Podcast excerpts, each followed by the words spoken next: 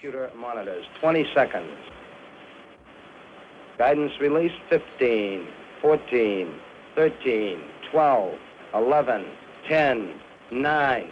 We have ignition sequence start. 6, 5, 4, 3, 2, 1, 0. All engines running. Commit. Liftoff. We have liftoff at 11 a.m. Eastern Standard Time. Bandaríska geimfærinu Apollo 9 var skotið á loft frá Kennedy höfða fyrir einni klukkustund. Síðastir fréttist gekk alltaf óskum og fjarskipta samband við geimfarana þrjá, Magdvitt, Skott og Svækart. Ferð Apollos 9 er síðasta ferð mannaðs geimfars bandaríkjamanna áður en mannað geimfar verður sendt til tungsins, það er fyrirhugað í júni eða júli á þessu ári. Rísa eldflög af gerðinni Saturnus 50 bar geimfarið á loft og tekur ferðin tíu daga. Týjir þúsunda manna horfið á þegar Apollo var skotið á loft en skíjað var svo eldflögin og geimfarið hurfu brátt sjónum manna.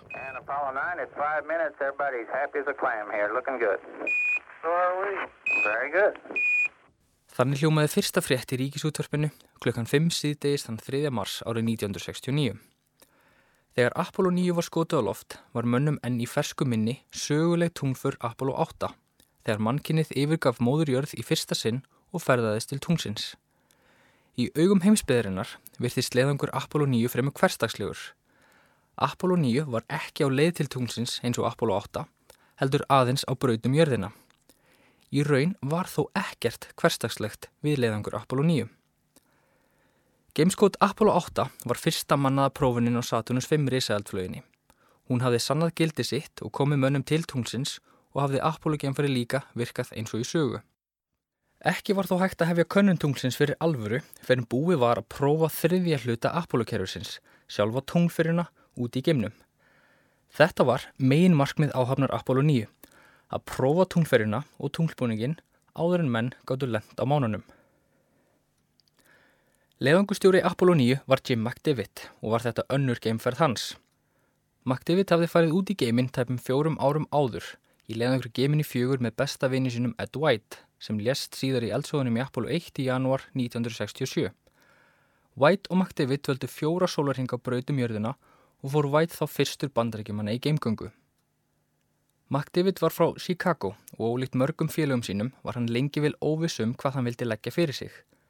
Sama mánuð og kóriðustriðið brust út skráði hann sig í herin þá tvítugurað aldri til að gerast orustufljúmaður. McDavid hafði þá aldrei stíði fæti inn í flugvel en lærði fljótt að fljúa. Að stríði loknu hafði hann flóið yfir hundrað orustuflug og var sæmtur heiðusorðu fyrir afreiksinn. Árið 1957 fór McDavid í nám í flugverkfræði við Michigan háskóla, þar sem hann kynntist Ed White. McDavid var ætið mjög metnaðfullur sem sást vel á engunum hans. Hann laug námi á tveimur árum með hæstu engun, efstur í hópi 607 nefnda. McDavid hafði aldrei látið sér dreyma um að verða geimfari og hafði raunar engan sérstakkan áhuga á því starfi þegar hann sótti um hjá NASA. Enga og síður var hann valinn í hóp nýju nýra gemfara sem NASA kynnti árið 1962 en í þeim hópi var líka vinur hans Ed White. Fram til þessa hafði Líf McDavid snúist um herin og átti hann engin sparifött önnur en enginnisbúningin sinn. Áður en gemfarahópunum var kynntur ofinberlega neytist hann því til að fara í búðalegangur með konun sinni og kaupa sér jakkafött. McDavid þótti mikill og sterkur leiðtói í gemfarahófnum Hann var ábyrgur flúmaður og kjörinn til að stýra þessu mikilvæga og metnaði fulla leiðangri Apollo 9. Dave Scott var flúmaður stjórnfarsins. Sennilega voru fáir sem hægt var að trista betur fyrir því vandasama verki. Scott var framúrskarandi tilrunaflúmaður og naut mikillar virðingar meðal kollega sinna. Sagt var að Dave Scott var í ímynd hins bandariska geimfara. Ef gerðir þið kvikmynd um geimfara, þið personan sennilega byggð á Dave Scott. Apollo 9 var önnur geimferð Scott líkt um McDavids. Þremur árum áður var hann um borð í geiminni 8 á samt Neil Armstrong. Eftir gameskott tengdu þeir geimfar sitt við Agena burðaflög og var það í fyrsta sinn sem bandarins geimfur voru tengt saman í geiminum. Eftir samtenginguna bilaði eina stýruflögum geiminni 8 sem allir því að geimfurinn tók að snúast stjórn laust. Þeir Scott og Armstrong síndu mikið snarraði þegar þeim tókst að losa geimfurinn og ræsa bremsuflögunar sem batt endi á leðangurinn mun fyrir náallega var en varð þeim til lífs. Scott var herrmennska í blóð borin. Hann fættist í herstuði San Antonio, Texas, þar sem fadir hans var hershöðingi. Fadir hans hjælt upp ströngum aga og reglum og vildi Scott feta í fótspór hans. Hann gekk þess vegna í herskóla og lagði mjög hartað sér. Scott þótti alltaf sérstaklega vinnusamur og agaður, en um leið kappsamur og metnaðfullur. Árið 1954 lauk hann prófi frá West Point herskólanum með hæstu engun og var 50 hæsti í sínum árgangi. Að námi loknu læri Scott að fljúa í flughernum.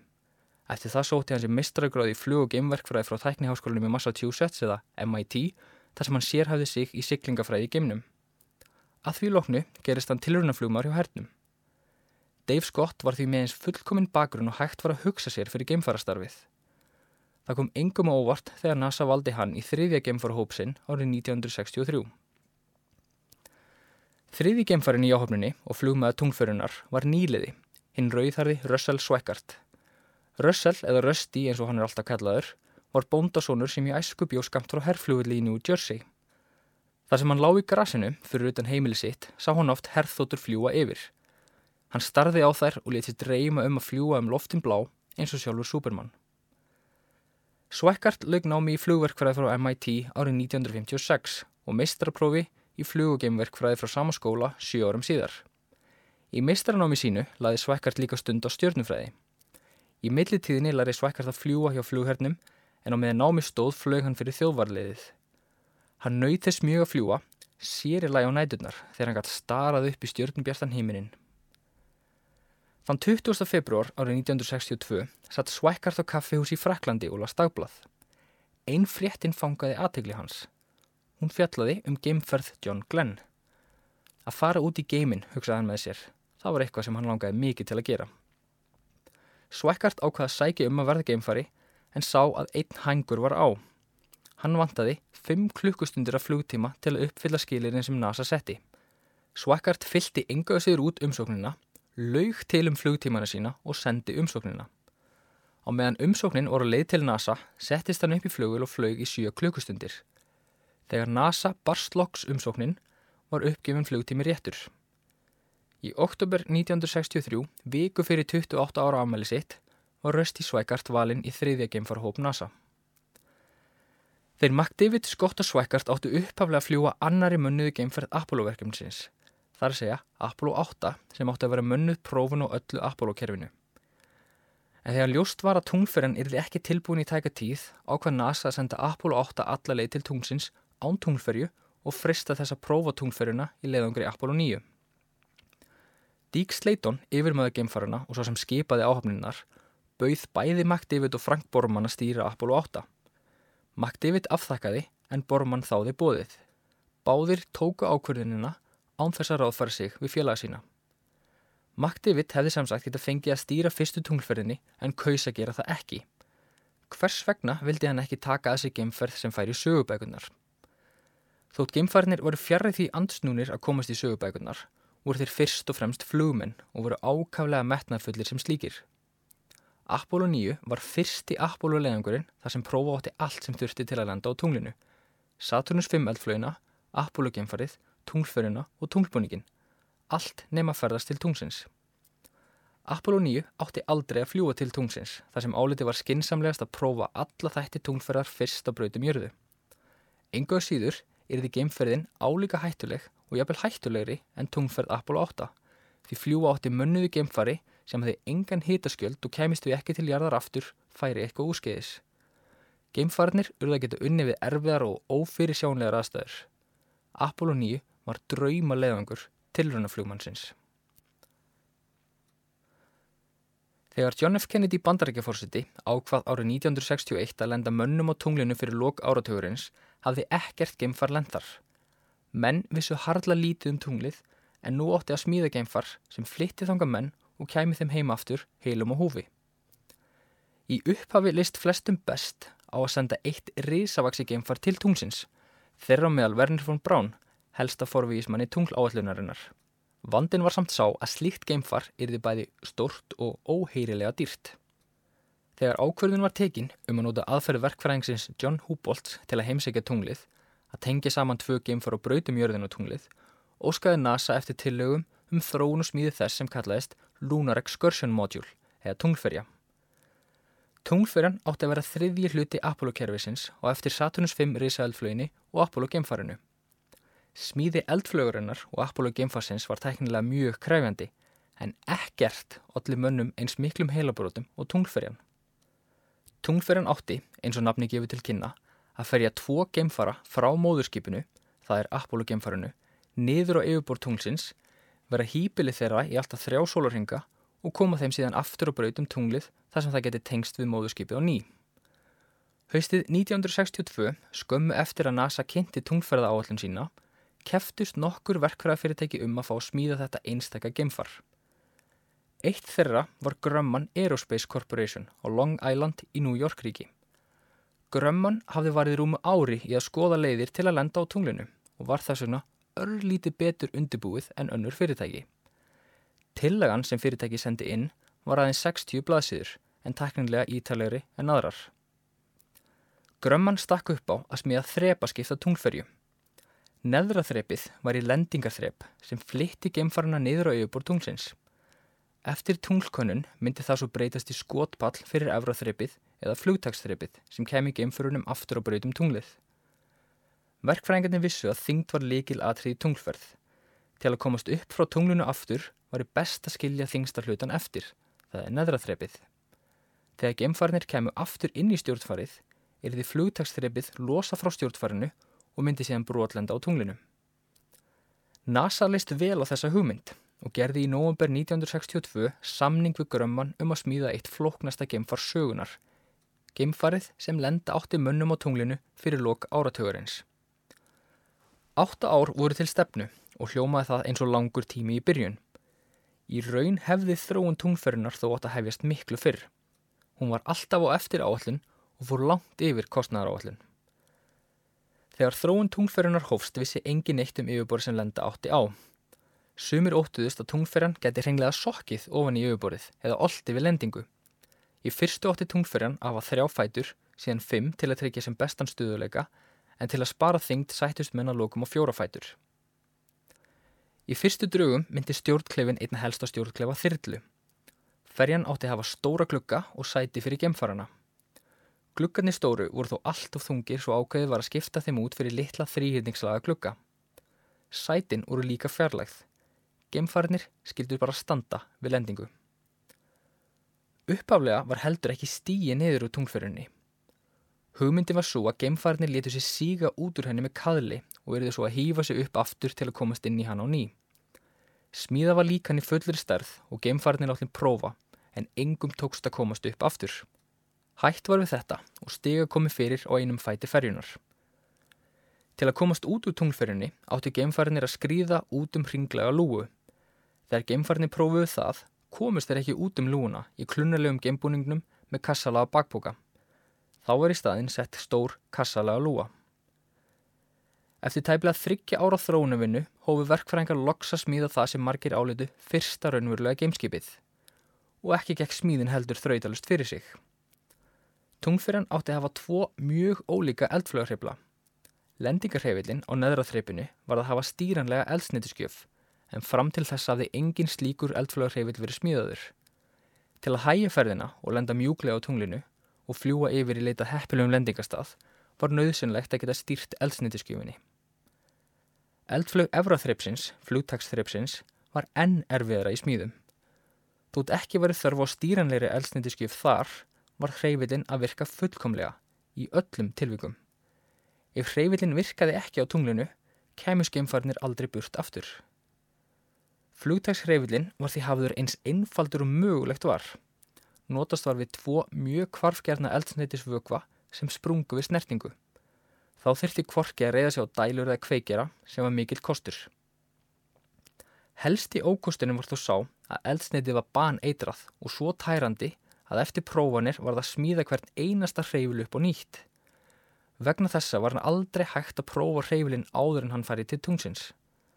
Fyrsta og eina skipti sem hreyfilinn var ræstur var þegar fara ætti frá tunglinu. Hitastig var enn annað vandamál sem leysa þurfti. Á tunglinu sveiplast hitastig mikill. Í sólskinni er yfir 100 stegi hiti en í skugga er 100 stega frost. Einungra þurfti tunglferðina eins og frekast var und svo koma mætti vekk fyrir að eldsneiti siði í hittanum eða frisi í kuldanum. Útilokað var að setja þunga einangrun utan á ferjuna en hjálparst úr óvandri átt. Upp úr 1950, skömmu áður en gamekaplipið hófst, fann bandariska fyrirtæki DuPont upp hóliestirefni sem kallast mælar og er stundum húða með málmum eins og gulli eða áli til að virka sem einangrari. Mælar er næfur þund og lauflétt en með því að stapla yfir 20 mælar örkum saman var hægt að útbúa feyslétta en góða einangrun. Tunglferjan var því pökkuð inn í gull og silvilitað mælar. Smám saman tók tunglferjan á sig mynd en loka útgáfa hennar var hálfgerð móðgun við þau tegnarlegu gameskip sem fólk kannast við úr vísendaskáldsögum og kvikmyndum. Tunglferjan, þetta flóknasta gamefar sem smíða hafði verið, myndi einna helst á risavaksna 5,5 metra háa og 4 metra breyða fjórfæta pöttu með tvö þrýhyrningslaga augu sem glukka og gapandi kassalaga lúu sem munn. Þetta var forljótt gameskip sem menn lærði að sjá fegurðana í þegar á leið. Engin furða að áhöfn Apollo 9 kallaði tungferðina sína Spider eða Kunguló. En það var góð ástæði fyrir því að tungferðin leit svona skringilega út. Hún var fyrsta raunverulega gameskipið hanna til að fljúa aðeins í tómurum í heimingeimsins. Engumóli skipti þótt hún hefði örmjóa, vélranna fætur og eldflögreifla og loftneti í allar áttir. Það eina sem skipti móli var að hún kemi tveimur mönnum heilum og húfi til og frá tunglinu. Tunglferjan varð bara að virka. Pattan stóra var fyslétt og viðkvæm, svo viðkvæm raunar að erfilega gekk fyrir makti yfir þú svækart að prófa tunglferjuna sem þeir átt að fljúa á brautum jörðina fyrir koma þeir brutu festingar og stjórntæki í henni. Fyrirhugað var að skjóta Apollo 9 og loft þann 28. februar 1969. Dægin fyrir gameskot kom í ljós við lækniskoðun að allir gemfarnir síndu merkjum flensu. Eftir vandamálinn sem flensa allir í Apollo 7 og magakvæsu Frank Borman í Apollo 8 vildu stjórnundur ekki taka neina áhættu og frestuðu gameskotinu um fáina daga þar til gemfarnir hafðu losað sér við flensuna. Þegar McDavid, Scott og Svækart settist loks inn í geimfarið á skotpallinum var eldsvoðin í Apollo 1 ofurlega í huga þeirra. Þeir vildu vera vissir um að komast hratt og öruglega út úr farinu ef til þess kemi. Þringstein voru slík að hendur geimfarina lágu stundum ofan á öðrum. Eftir að Gunther Wendt, fóringin á skotpallinum, hafði tjóðurað þá niður og lokað lúinni, ákvaða Dave Scott og Rusty Svækart að losa örlíti sætisólunar, svo betur færi um þá. Apollo 9 tókst hægt og rólega á loft. Þegar fyrsta þreip eldflögurinnar losnaði frá og annað þreipi tók við, var krafturinn slíkur að skott og svækart köstuðst fram í sætum sínum að mæleborunni fyrir fram á þá, svo hjálmannir nánast snertuða. Vó, sögðu þeir báðir og litu hvora á annan. Þeir ráðluðu félögum sínum í næstu ferðum að losa sætisólunar ekki. Strax svo komið var á brautum jörðina hófst eitt mikilvægasti og vandarsamesti hluti leðangursins. Að tengja stjórnfarið við tungferina og draga hana úr þriðja þreipi Saturnusflögarinnar. Ef það virkaði ekki, er þið ómögulegt að lenda á tunglinu. Uh,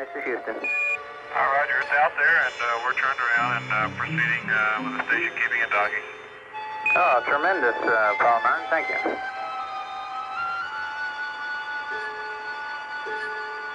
Go, Apollo 9. We're about 25 feet now on the closing point. Uh, copy.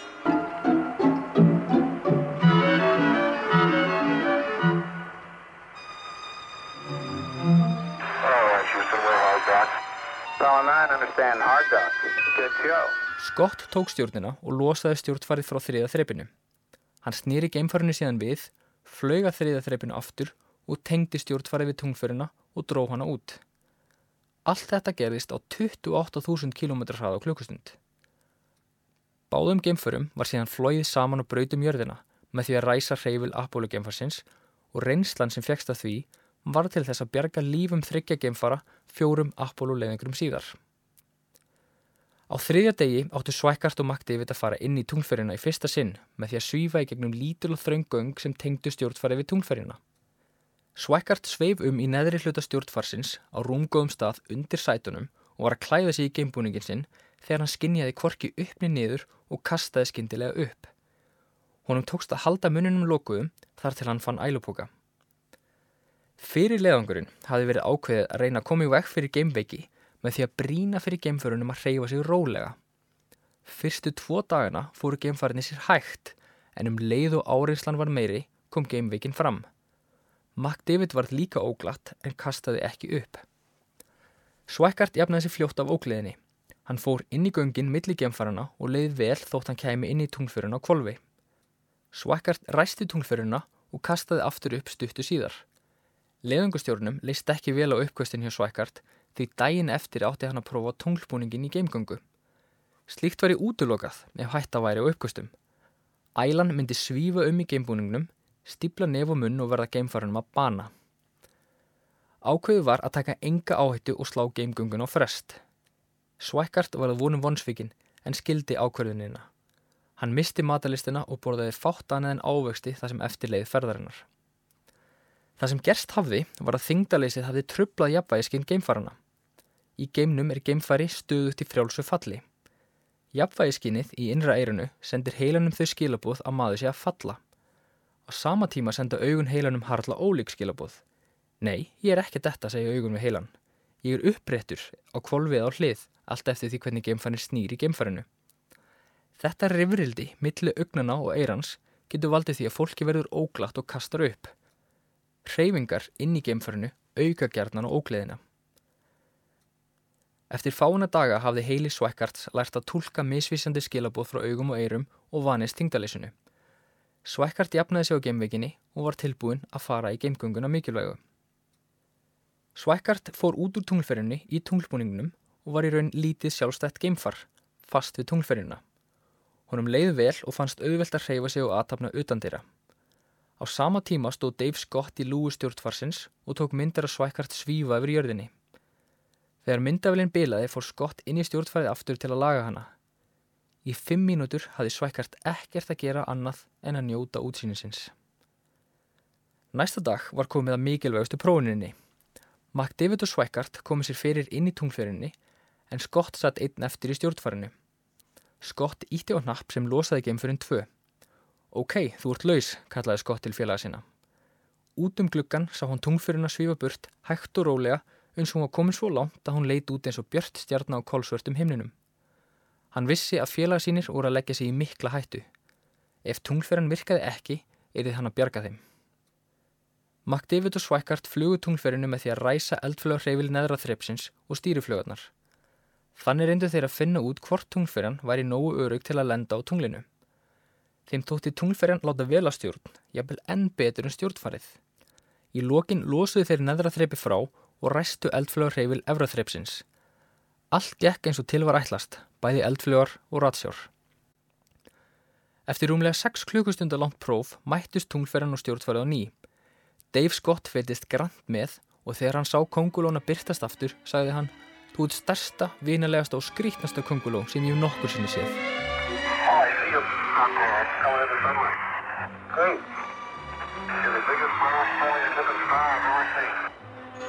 Stjórnfarið og tungferðan tengdust saman aftur, rétt eins og gera þyrti á brautum tunglið. Þetta var síðasta púsli sem vantaði fyrir tunglendingu.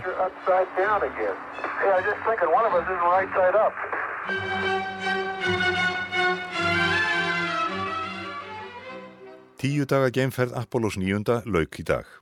Geimfarið lendi um klukkan 17 að íslenskum tíma á Allandshafi. Lendingin gekk ágætlega að öllu leiti og leið geimförunum príðilega. Geimfarið lendi örskamt frá flugvilaskipinu US Guadalcanal og sáu skipverjar þegar Apollo 9 sveif niður í þremur fallífum. Hálfri klukkustund eftir lendingu voru geimfararnir þeir James McDivitt, David Scott og Russell Svakkart komnir í gummibáta, síðan voru þeir fluttir í þyrlum til flugvilaskipsins og fögnuðu skipverjar þeim ákaft. Bandarískir vísindamenn eru mjög ánæður með árangurinn af för Apollos 9. Yfirmaður bandarísku geimvísinda stöðvarinnar í Houston í Texas segir að eftir hinn að vel hefnuðu til raun með tungferju Apollos 9. síðan sannferður um að hefnast muni að senda menn til tungsins í sumar. Ok, I have about 370 feet.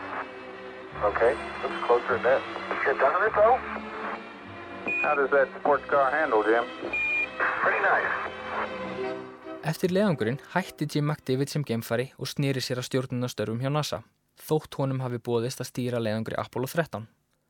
Rusty Swaggart gerist tilrunadýr eftir heimkomuna. Bæði hann og NASA vildu komast að því hvernig honum hefði tekist að losna við geimveikina. Í þrjá mánuði gekk hann sjálf viljugur í gegnum prófanir sem allir honum ógleði. Hann fór aldrei aftur í geimferð en kom breyttur maður heim. Geimgangan og útsinnið sem hann hafði yfir jörðina hafði mikil áhrif á hann. Hann fann fyrir aukinni ábyrð til móðurjarðar sem hann hafði séð í öllu sínu veldi og varð mikill umhverfisvendar sinni. Dave Scott var það leiðangustjóri Apollo 15 tveimur orðum síðar í fyrstu raunverulegu vísindaferðinni til tungsins. Leiðangur Apollo 9 hafi gengið svo vel að ekki var þörf á frekari prófunum á brautum jörðina.